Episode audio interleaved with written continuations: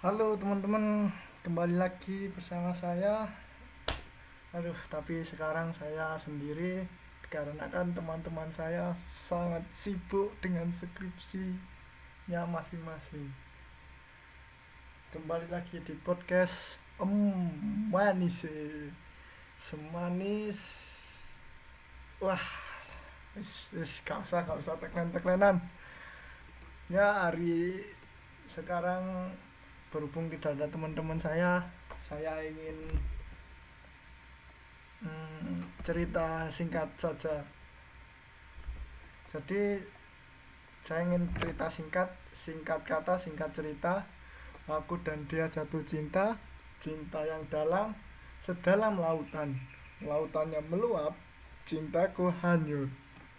Ya terima kasih. Semoga menghibur hari anda